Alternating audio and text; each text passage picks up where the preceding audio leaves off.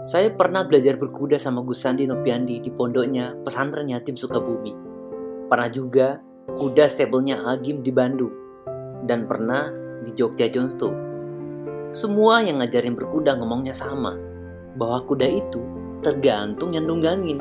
Kalau penunggangnya takut, maka kuda akan lebih berani.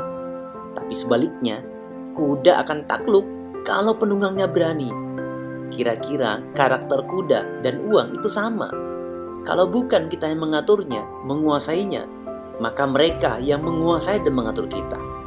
Maka, belajarlah mengelola uang dengan baik ya. Terus ada yang nanya gini, itu kan kalau urusan kuda dan uang. Beda kalau urusan dengan istri. Katanya gini, saya itu kang nggak takut sama istri. Tapi kok istri saya jauh lebih menguasai saya? Kok bisa? Saya jawab aja nih, emang sih kamu tuh tidak takut sama istri.